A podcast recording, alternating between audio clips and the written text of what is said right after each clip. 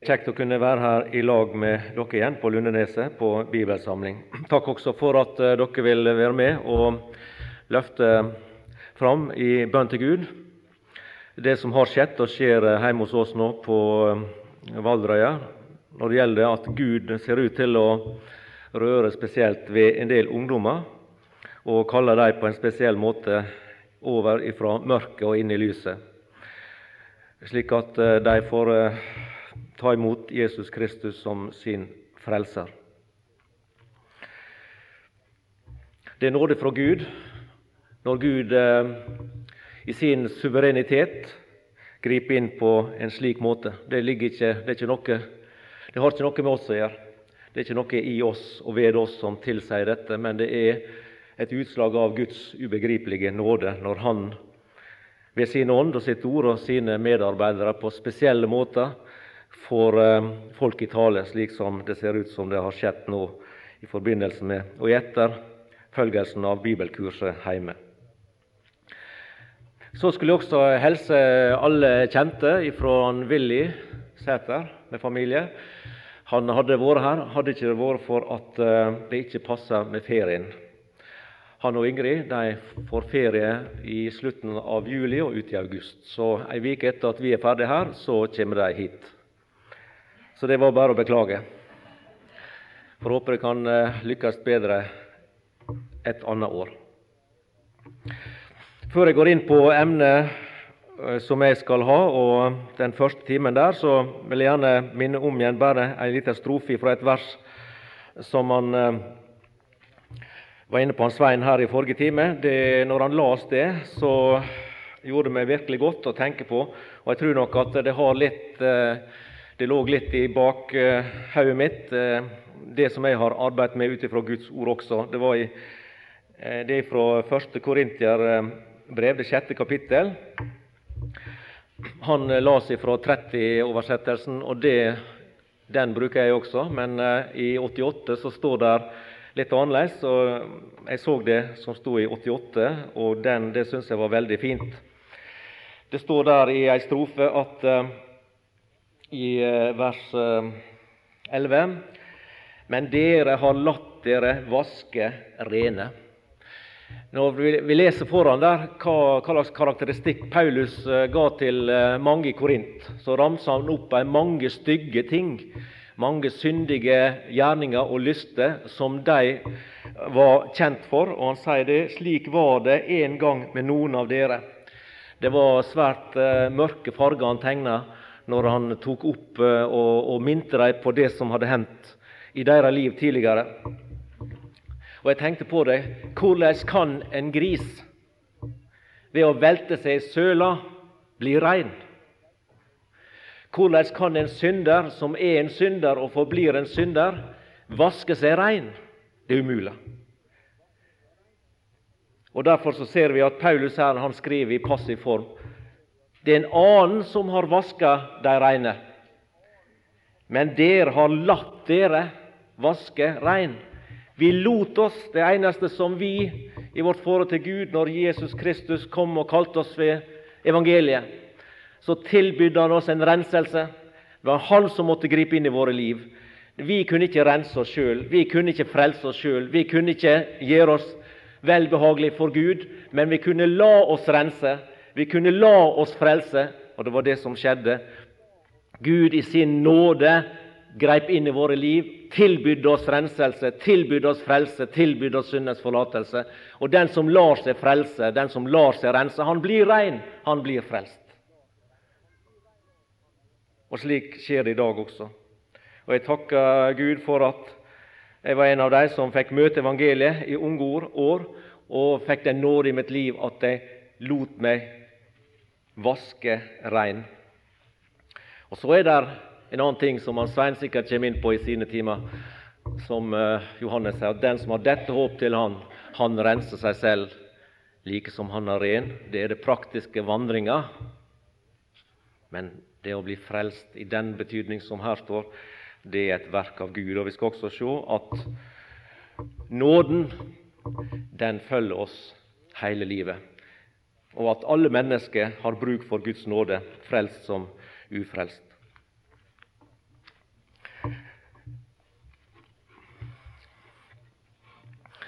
Temaet som jeg satte opp, eh, det var i grunnen en strofe fra en sang. Og Det er en veldig kjent sang. Det blir, eh, Jeg en plass at eh, mange regner den sangen, 'Amazing Grace', som kanskje den mest kjente og mest elska av de evangeliske sangene i USA.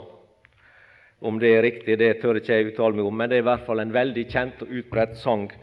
Og eh, I sangboka så står den oversett på norsk, og den starter slik og nåde, underfull og stor, som fann meg i mi synd.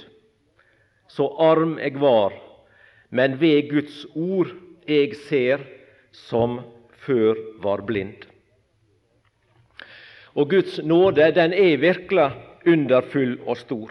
Det har du og jeg opplevd, vi som har fått levd med Gud i kortere eller lengre tid så har vi opplevd Guds nåde i våre liv som underfull og stor. Og Jeg håper det at eh, det skal bli en erfaring som du og jeg gjør i den samlinga som vi er sammen om her på Lundaneset i denne veka, at vi fortsatt får oppleve Guds nåde på denne måten. At Han får vise seg blant oss og for våre hjerter underfull og stor, og at vi får se at nåden, den gjelder hele veien at Herren får lov å føre oss inn i sitt skattkammer, i sitt ord, slik at vi kan si med en annen sanger Å, hvor rik jeg er, jeg har Jesus. Jeg for Gud er kjær gjennom Jesus. Jeg har Gud til far, himmelarv jeg har, og hvor rik jeg er. Guds nåde det er et av de viktigste tema i hele Bibelen. Og Samtidig så er det for eh, oss troende ofte eh, noe av det vi kanskje ikke forstår så veldig mye av. For vi har en tendens, og det skal vi se utover i timene når jeg tar noen eksempel fra både praktisk erfaringsliv og fra Guds ord, at eh, vi har lett for å blande sammen nåde og gjerning i vårt liv som troende alle, i hvert fall de aller fleste kristne, de som bekjenner seg som kristne av ulike eh, sammenhenger, kirkesamfunn og hva du nå vil kalle det, de tror per definisjon på nåden. Og eh, Et av de ordene som eh, de fleste av oss tenker på når vi hører om Guds nåde, det er Feserbrevet kapittel 2 og eh, vers 8 og 9. Kjente og kjære ord. De fleste av oss kan dem utenat. For av nåde er dere frelst ved tro, og det er ikke av dere selv, det er Guds gave. Ikke av gjerninger, for at ikke noen skal rose seg. Når vi leser disse versene i Feserbrevet 2 om denne Guds nåde til frelse, som ikke er av oss sjøl, men som er Guds gave, så tenker vi på den frelsende nåde, altså den nåden som blir en synder til del når vi kommer til den Herre Jesus, tar imot Han som vår frelser, og vi får del i syndenes forlatelse og evig liv. Men Bibelen lærer oss også at vi ikke bare blir frelst av nåde i den betydning, men at vi lever ved nåden, at vi lever av nåden, og at vi lever i nåden dag for dag, livet igjennom, som et Guds barn. Og Det er denne siste biten her som eh, du og jeg har vanskelig for å, å eh, avfinne oss med. Vi har så lett for å basere vårt forhold til Gud på det som vi kan kalle for våre egne prestasjoner i stedet for å stole på og regne med i alle ting Hans nåde. Det, er ofte sånn at hvis vi, hvis vi synes når vi tenker på vårt troesliv, vårt kristenliv og sånt i hverdagen, så, så um, tenker vi ofte i de baner at er vi flinke nok? Er vi vellykka som kristne? Gjør vi det bra som troende? Så venter vi Guds velsignelse over våre liv. Eh, derimot har vi vært uheldige. Har vi prestert dårlige ting? Har vi levd liksom eh, og gjort ting som vi skammer oss over? så blir våre forventninger av Gud redusert tilsvarende. Jeg kom akkurat nå på, for en del år siden nå, så eh, opplevde jeg at ei jente som jeg hadde som elev i klassen min Hun gikk vel i 9. klasse, tenker jeg da, og jeg var klassestyrer for henne. Og hun, eh, etter, I slutten av en time, det var ringt ut til friminutt, så stoppa hun igjen og så spurte hun om hun kunne få snakke med meg et øyeblikk. Og det fikk hun selvfølgelig. Og Så viste det seg at det hun ville snakke om, det var dette her med frelsesvisshet. Hun hadde ikke frelsesvisshet. Hun var en kristen, hun trodde, på Jesus. Øh, og alt dette, Men det gikk liksom Det var som en berg-og-dal-bane. Og så når jeg snakka litt med henne, da, så kom det fram akkurat det som vi er inne på her. At hun knytta sin frelsesvisshet til sitt liv. At hun følte at hun var en sånn dårlig kristen, at hun levde slik og slik. og Hun hadde ikke kristne i hvert fall en av foreldrene, kanskje. Uh, hun var i hvert fall usikker på vedkommende om han var en kristen eller ikke. Veldig fint menneske og alt dette. Uh, men så, følte hun at hun, hun vitna så dårlig i familien. og, hun var sånn og sånn, og hun ble så snart sinna og, og, og, disse tingene her. Men uh, så var det noen ganger da syntes hun det gikk bra. Og da hadde hun frelsesvisshet. Da var hun sikker på å hun hørte Jesus til, for da var hun på topp. Og jeg tror ikke hun er alene om å ha det slik, at vi knytter vårt forhold til Gud i det daglige til det vi gjør og ikke gjør, det vi sier og ikke sier, det vi tenker og ikke tenker. Og tror at Gud han er samlet som oss, og at, at han eh, favoriserer oss og velsigner oss og, og slikt eh, når vi gjør det bra, i hermetegn. Og at han avstår fra velsignelse, han trekker seg tilbake, at han um, rynker på nesen og ikke syns det er noe særlig øh, hvis vi snubler, feller, uheldige, synder osv. Og Når vi lever slik, da lever vi på en måte i gjerningsvesenet. Vi lever ikke av nåde når vi har det på denne måten her. Vi har ikke forstått skikkelig nådens prinsipp. Det er liksom når, eh, når, vi har gode gjerninger og gjør det bra, da stiger liksom en fin duft opp. Og denne duften den eh, er til velbehag for Gud, og så velsigner Han oss tilbake. Mens eh, når det er motsatt, da trekker Gud sine velsignelser og holder dem igjen. Sånn kan vi tenke. Det å leve et vellykka kristenliv, hva det nå må bety, det er basert på, tror vi, vår hengivelse til Gud, eh, hvordan vi disiplinerer vårt liv, vår iver i tjenesten. Eh, men vi må ha litt hjelp av Gud langs veien. For vi er jo klar over at ingen av oss er fullkomne, og så må vi ha hjelp av Gud. Vi gjør det meste, men vi må ha hjelp av Gud. Og den hjelpa, det er nåden, og resten det er det vi som gjør oss fortjent til. Det er et uttrykk som heter omtrent som sånn at Gud hjelper den som hjelper seg sjøl. Men det er ikke nådens prinsipp. Og det er heller ikke Paulus enig i. For han skriver m.a. i 1. Korintiabrev, det 15. kapittel, om seg sjøl. Og det gjelder ikke bare han sjøl, det gjelder nok alle Guds barn. Der han sier Først skriver han om seg sjøl i vers 9. Men sist av alle ble han òg sett av meg som det ufullbårne foster. For jeg er den ringeste av apostlene og er ikke verd å kalles apostel fordi jeg har forfulgt Guds menighet. Så sier han noe som gjelder han, men som også gjelder deg og meg. Men av Guds nåde er jeg det jeg er. Han eh, utbasunerer ikke alle sine gode gjerninger og sine prestasjoner, sitt vågemot, sine, sin eh, iver, sin tjeneste, alle de tingene han måtte gjennomgå for Kristi sak rundt omkring, all forfølgelse han opplevde, all fengsel, steining. Han reter jo opp her i en annen plass her om alle disse tingene som han har uh, måttet gjennomgått som et Jesu Kristi vitne Han holdt ikke fram det og sier på grunn av alle disse ting som jeg har gjort, og all den innsats som jeg har gjort, alt dette, så er jeg det jeg er i dag. Jeg har ikke kommet dit jeg er i dag hvis det ikke har vært for meg sjøl og alt mitt og det jeg har gjort. Nei, han sier av nåde. Men av Guds nåde er jeg det jeg er.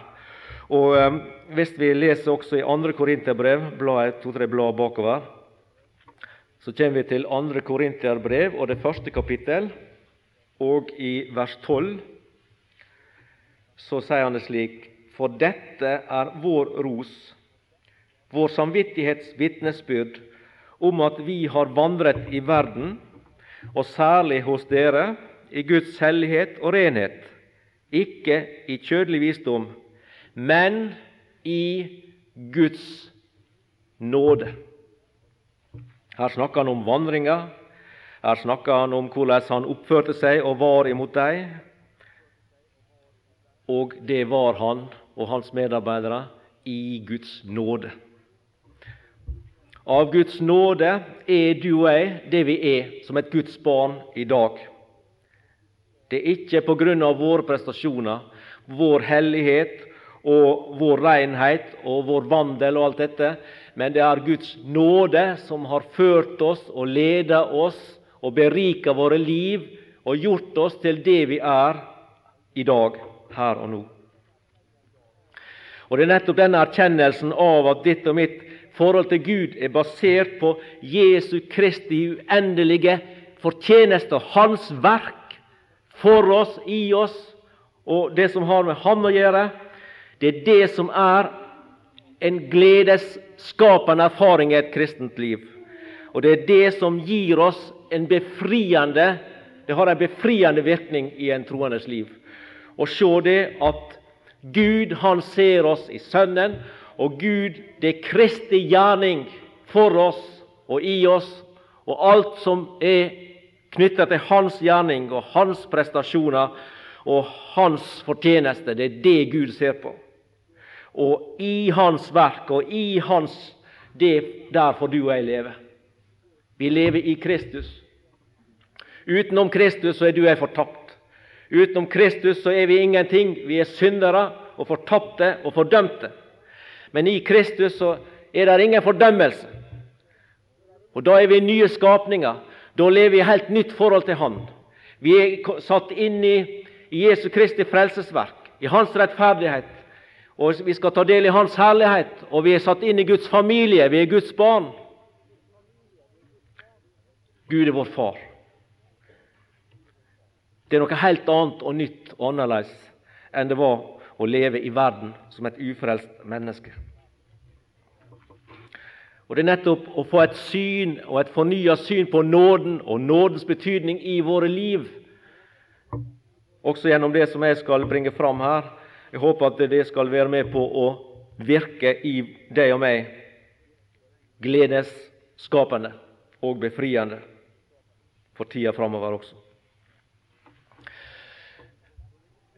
Nå har jeg lagt merke til eh, at når jeg ser inn på ei eh, går i Ålesund eller andre plasser, der det er sånne gullsmedforretninger, så eh, ser du ofte i vinduet eller inne i butikken at de har noen slags oppsettinger der det ligger kanskje eh, et svart silketeppe eller et eller annet sånt. Det er i hvert fall ofte svart som de bruker. Så legger de det liksom som bakgrunn, og så setter de flotteste smykker smykke og klokke og sånn i fronten. For liksom å framheve det vakre på en mørk bakgrunn. Og eh, Utover nå noen minutter så vil jeg prøve ut fra Guds ord å trekke opp den mørke bakgrunnen som skulle gjøre at nåden ville funkle desto kraftigere når vi ser nådens virkning og gjerning og nådens prinsipp på denne mørke bakgrunnen. Så vil den funkle for oss som Guds edelsteiner i stor prakt og herlighet. Og Da skal jeg et øyeblikk innom eh, Galaterbrevet, det tredje kapittel, og vers tre.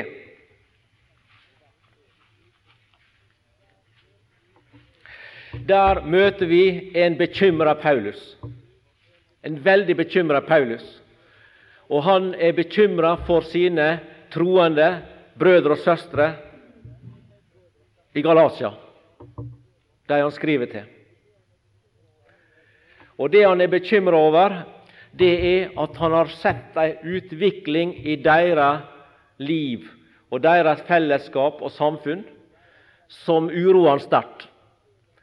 For han forkynte evangeliet for dem med ånds- og krafts bevist. Han malte Kristus som korsfesta for deres øyne. Og så her stiller han spørsmål. Er dere så uforstandige? Dere begynte i ånd. Vil dere nå fullende i kjøtt? Jeg har lest forskjellige oversettelser for å se eh, liksom hva som ligger i dette, her, og jeg er selvsagt ikke kommet i mål på det. Men i hvert fall én oversettelse. Der så jeg at den siste linja var oversatt omtrent sånn at vil dere nå målet ved menneskelige prestasjoner? Dere som begynte i ånd, vil dere nå målet? Er det det dere nå satser på? Å nå målet ved deres egne menneskelige, kjødelige prestasjoner? Er det gjerningene nå som skal føre dere til målet? Har dere glemt nåden? Har ikke nåden betydning lenger i deres liv? Og Vi skal komme litt senere tilbake til og se hvordan han setter nåde og gjerning opp som totalt motsatte verdier der den ene ekskluderer fullstendig den andre. Enten er alt av nåde, eller så må du forkaste nåden og satse på gjerninger, på prestasjoner, og la det stå til og håpe at det skal belønne deg innenfor Gud. Det er et ord som eh, blir en del brukt i våre dager, og eh, kanskje mer enn ofte før. Og det er dette uttrykket med all det, alt det betyr, det er konkurs. Jeg har jo eh, Hjemme eh, for noen år siden så var det jo ei bedrift som en del av dere kjenner til, som hadde gått veldig bra i mange mange år. og Han som eide bedriften, han jobba, gjorde ærlig, et ærlig arbeid og sto på alt. Og så var det omstendigheter som gjorde at bedriften den gikk konkurs. Og Dette ordet konkurs det, det, er, et, det, er grunn, det er, et, negativt ladda ord. Det må vi være enige om. Selv om at det, det ikke er sånn at folk som går konkurs, spekulerer i det, men de gjør en ærlig innsats og strever i mange år og driver en bedrift, og alt sånt, og så opplever de, opplever at ting skjærer seg, og sånn, slik at de i og for seg, det kan være ytre omstendighet som de ikke har så veldig mye eh, kan eh, kontrollere, som gjør det. Men tross alt, uansett hvordan det er, så har dette ordet konkurs det, har, det er et negativt ord. Det bærer på en måte skam i seg. Det er noe, det er ikke noe kjekt å gå konkurs. Det bærer med seg tanken om fiasko. Eh, det har med gjeld å gjøre. En kan, bli, en kan få stor gjeld. Det kan føre til det vi kaller for finansiell ruin for eh, et menneske, for ei bedrift. Konkurs. Det er noe trist og noe tragisk. Jeg har ennå ikke hørt uh, der er, der er ei, ei, nok, Av og til så er det noe reklame på TV. Det er noen små gutter som sitter og snakker om at uh, de eter graut eller hva det er for noe med sånne veldige vitaminer i seg. Eh, og skryter av at 'jeg skal bli sånn og sånn', og 'jeg skal slik og slik'. Og Vi har jo hørt om disse historiene på søndagsskolen om disse barna som sitter og snakker om fedrene sine. 'Min far er større enn din', ikke sant? og 'min far er sterkere enn din', og 'min far han er direktør', og, og sånn. Og 'han er rikere enn din far', og 'kom ikke her'. Og det, det, er veldig vanskelig å tenke seg å si at 'min far er mye bedre enn din far', for han er gått konkurs. Det har et negativt lada innhold slik at eh, Det er ikke sånn som vi løfter opp og skryter av og hiver omkring oss. Vi har gått konkurs. Flott.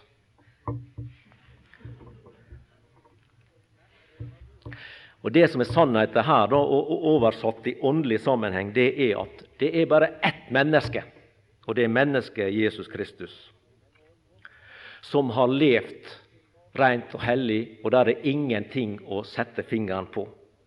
Alle andre mennesker er åndelig, i åndelig forstand konkurs. Du og jeg, vi er totalt konkurs.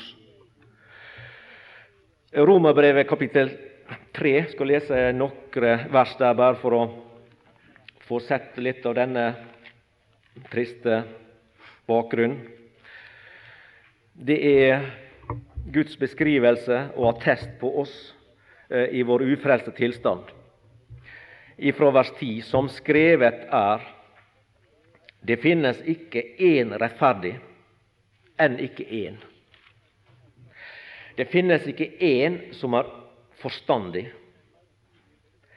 Det finnes ikke én som søker Gud. De er alle avveket, alle til hope er de blitt udugelige. Det finnes ikke noen som gjør godt. Det finnes ikke én en eneste.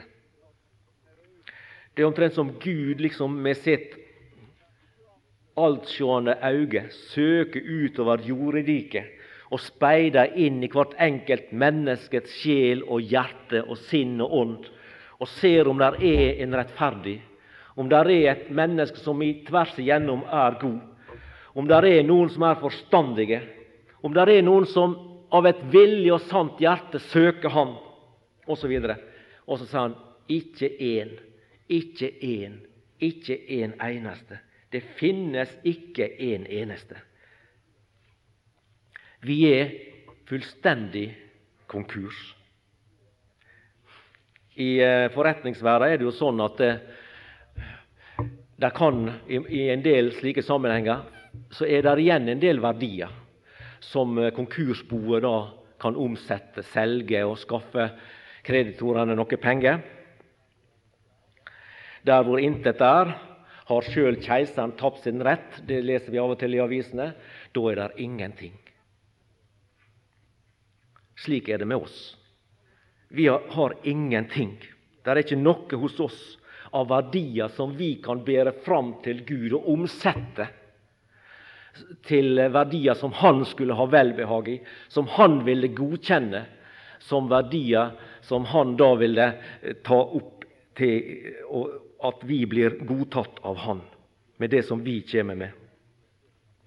Vi har ingenting å betale med Eh, når det gjelder den gjeld vi står i for Gud. Esaias 64 eh, og vers 5. Der får vi en lignende attest. Esaias 50, 64 er det, 64 og vers 5.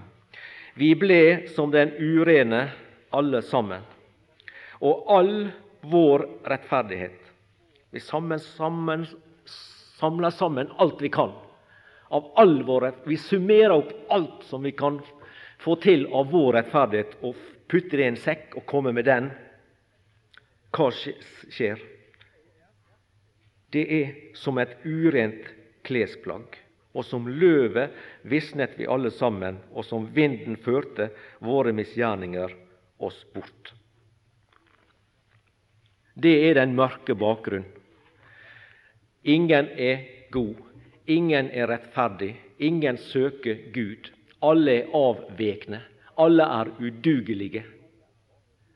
Og Vi kunne ha lest mer av Romerbrevet, skal ikke ta tid til det, men du kjenner det godt fra før. Alle de karakteristikker som Gud der gir en synder. Hva som kjennetegner og kjennemerker en synders sinn og natur. Og det er mørkt. Det er trist lesning. Og Her las vi også at all vår rettferdighet det er som et urent klesplagg. Det er den mørke bakgrunnen. Men når vi da får se den andre sida, det Gud representerer, da skal vi gå til Romerbrevet, det sjette kapittel, og vers 23 først. Og Der ser vi motsetninga. På den ene sida så er det nevnt synda og den lønn som synden gir. Romerbrevet 6, 23. For den lønn som synden gir, er døden. Men Guds nådegave er evig liv i Kristus Jesus, vår Herre. Guds nådegave er evig liv i Kristus Jesus, vår Herre. Og Tilbake igjen til Efeserbrevet 2, der vi var i stad. Lese om igjen det. 8 og 9. For av nåde er dere frelst. Guds nådegave er evig liv i Kristus Jesus, vår Herre. For av nåde er dere frelst, ved tro, og det er ikke av dere selv, det er Guds gave, ikke av gjerninger, for at ikke noen skal rose seg. Ikke av gjerninger, for vi har ikke noe gjerning å komme med. Vår, all vår rettferdighet det er som et urent klesplagg. Og vi er ureine alle sammen, hører vi. Og vi er urettferdige, vi er udugelige og ugudelige og syndige og vanhellige. Vi kunne ha nevnt en masse der. Det er vår tilstand, det er vår attest. Men så kommer Gud synderne i møte og tilbyr oss ei gave, fritt og gratis. Guds nådegave. Evig liv i Kristus Jesus, vår Herre nådegave som den svarte, den urettferdige, den ugudelige kan få ta imot gratis, fritt, ved å si ja.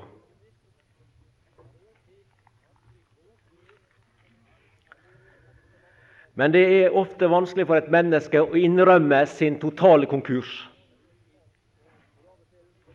Når du av og til kan snakke med et ufrelst menneske om uh, ikke de vil gi sitt liv til Jesus, og om ikke de trenger Guds nåde, og disse tingene her, så er det ofte du møter svar som går på dette at det, Nei, jeg regner meg sjøl som et bra menneske, og jeg har alle disse tingene i orden. Jeg er døpt, jeg er konfirmert, og jeg er like god og bra som han og hun.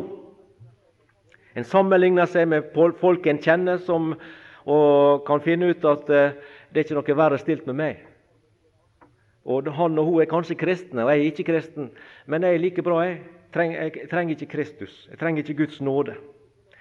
En er ikke villig til å innrømme hvem en er, at en er en fattig, fortapt synder.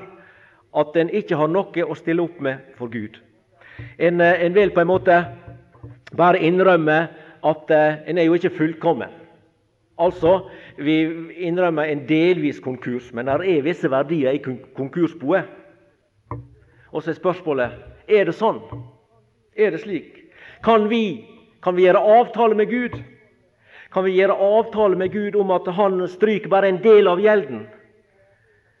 Han stryker 80% av gjelden, Også de 20% som står igjen, de skal jeg styre meg sjøl. De skal jeg prøve å betale tilbake med avdrag nå og avdrag da i en viss tid framover. Kan jeg liksom jobbe meg frampå? kan jeg eh, komme over kneika, slik at jeg tar imot eh, litt sanering nå, men så skal jeg sjøl klare å, å, ta meg av resten på egen hånd. Kan jeg betale tilbake noe av gjelda, noe av skylda, til Gud? En del mennesker tenker slik, men det er feil. Det er totalt feil. Peter han også ser ut til å tenke på lignende måte i en eh, episode. Vi skal se i Matteus 19.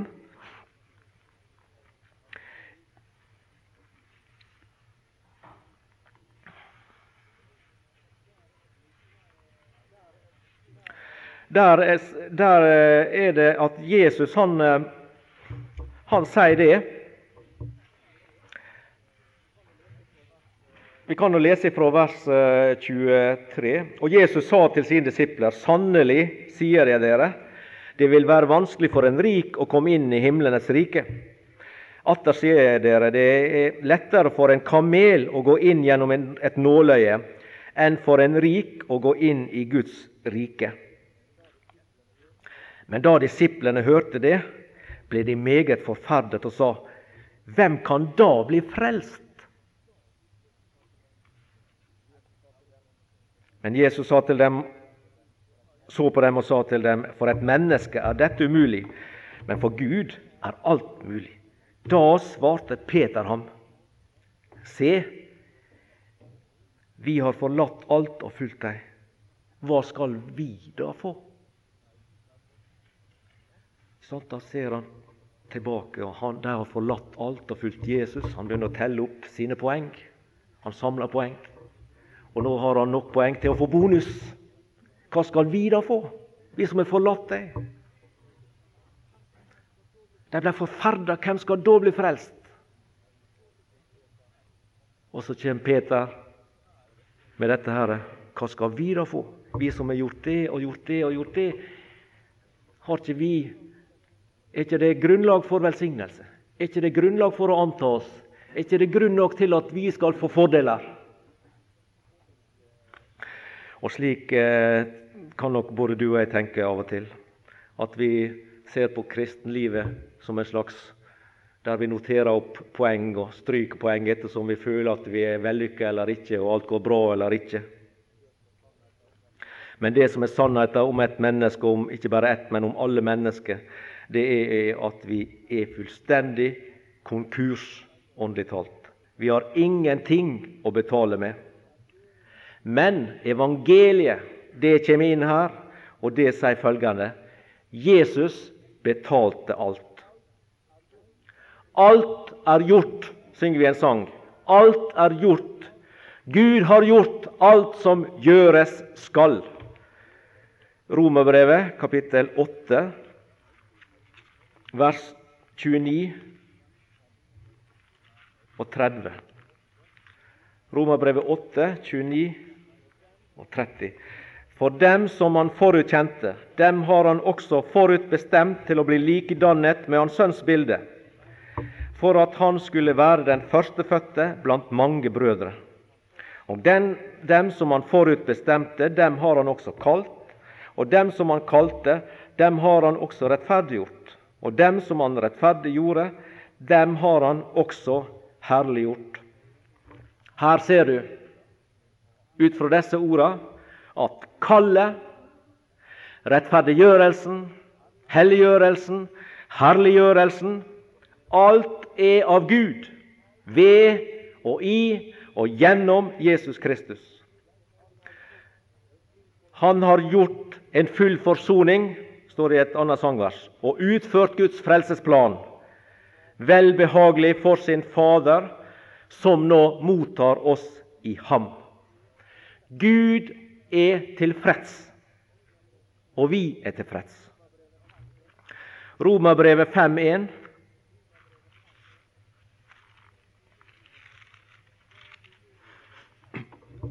Romerbrevet 5.1. Da vi nå altså er rettferdiggjort av troen, har vi fred med Gud ved vår Herre Jesus Kristus. Og i Hebreabrevet kapittel 10 Hebreabrevet kapittel 10 og vers 22. Så la oss trede frem med sandru hjerte i troens fulle visshet renset på hjertene fra en ond samvittighet og tvettet på legemet med rent vann.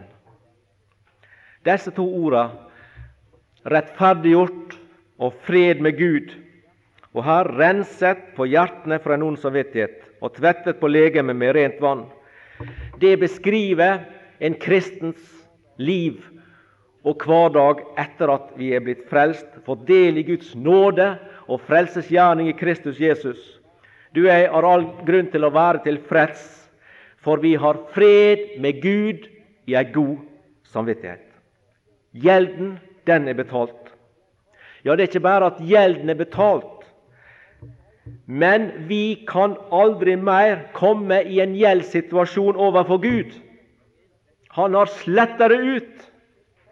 Han har skrevet betalt over det hele. Så han vil ikke drage det fram igjen.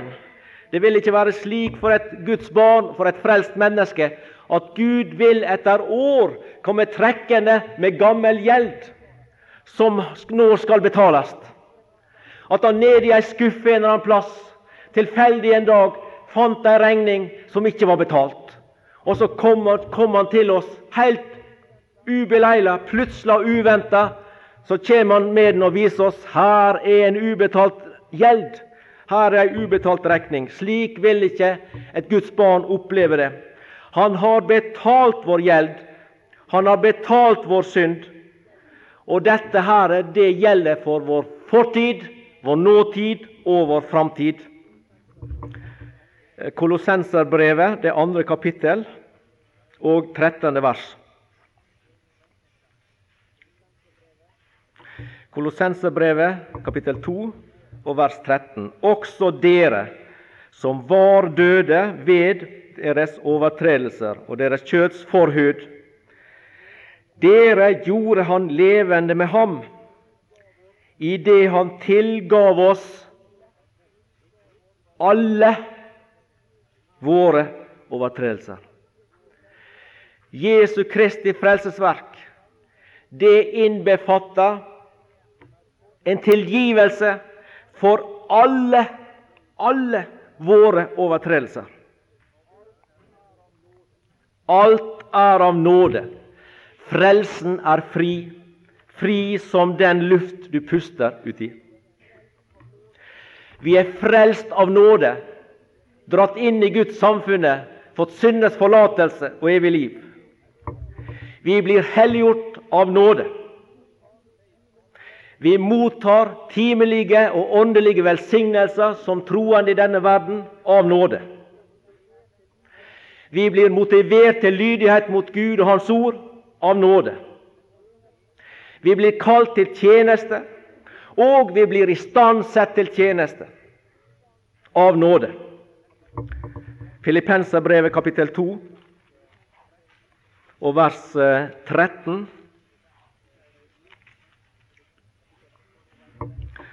kapittel 2 og vers 13 i Filippenserbrevet. For Gud er den som virker i dere, både å ville og å virke til Hans velbehag. Gud virker i oss å ville og å virke. Så det er Hans nåde, det er Hans verk, det er Hans fortjeneste at du og jeg får ei villighet i vår ånd og i vårt sinn til å være med og tjene Han, og vitne for andre om Han, og gå Hans veier. Han skaper en villig ånd i oss, han skaper et villig sinn, og han ikke bare skaper villigheter, men han skaper også virke. Det er han som skaper virkertrangen og gir mulighet til å virke. Og så, som vi skal komme til seinere, attpåtil så gir han lønn. Enda alt er av Han. En forunderlig Gud. Vi skal også se på Hebreabrevet, som sier det med andre ord, men det samme innholdet i det. Hebreabrevet 13 og vers 21. Han gjøre dere fullt dyktige i all god gjerning, så dere kan gjøre Hans vilje, i det Han virker i dere, det som tekkes Ham ved Jesus Kristus. Ham være æren i all evighet. Amen. Han kaller oss til tjeneste, og han i stand setter oss til tjeneste av nåde. Vi får styrke til å tåle prøvelser av nåde. Mange mennesker, og har det sikkert en del her også inne i dag, som har opplevd det i sitt liv. Prøvelser som har vært så sterke at en tenker som sånn at skulle det stått til meg og min kraft, så hadde jeg ikke kommet meg gjennom dette. Men jeg kom meg gjennom. Jeg fikk styrke til å tåle det, og den kom fra min nådige himmelske Far. Det var Han som gav meg nåde til å komme gjennom det, og at denne prøvelsen, denne sykdommen, det som hendte, hva det nå kan være, at etterpå så førte det velsignelse med seg. Det førte oss nærmere Han. Det førte oss til mer avhengighet av Han. Og det førte til at vår karakter den blei styrka og utvikla som troende. Og vi skal også oppleve å bli herliggjort av nåde. Den nåde som skal bli oss til del ved Jesu Kristi åpenbarelse. Så vi ser at det er nåde hele veien. Vi blir frelst av nåde. Vi blir bevart av nåde. Det er nåden som er på truna i en kristens liv, fra start til mål. Det er nåden som møter oss med innbydelsen. Av nåde er dere frelste. Vi blir rettferdiggjort av nåde. Det kristne livet er et liv i nåde. Og helliggjørelsen er av nåde. Og Jeg må slutte med å si at jeg tenkte at det, Gud har kanskje en finger med i spillet. Her, og her på, I går kveld når Nett talte, så siterte han et sangvers, og det har jeg notert som avslutning på denne bibeltimen min her. Så det ser ut som vi er noenlunde i samme tankerekke og tankebane. Kanskje det er Guds ånd som har eh, leda. All nåde giver nådens Gud, som førte oss av mørket ut. Hos Ham som gav oss barnekår vi nåde over nåde får.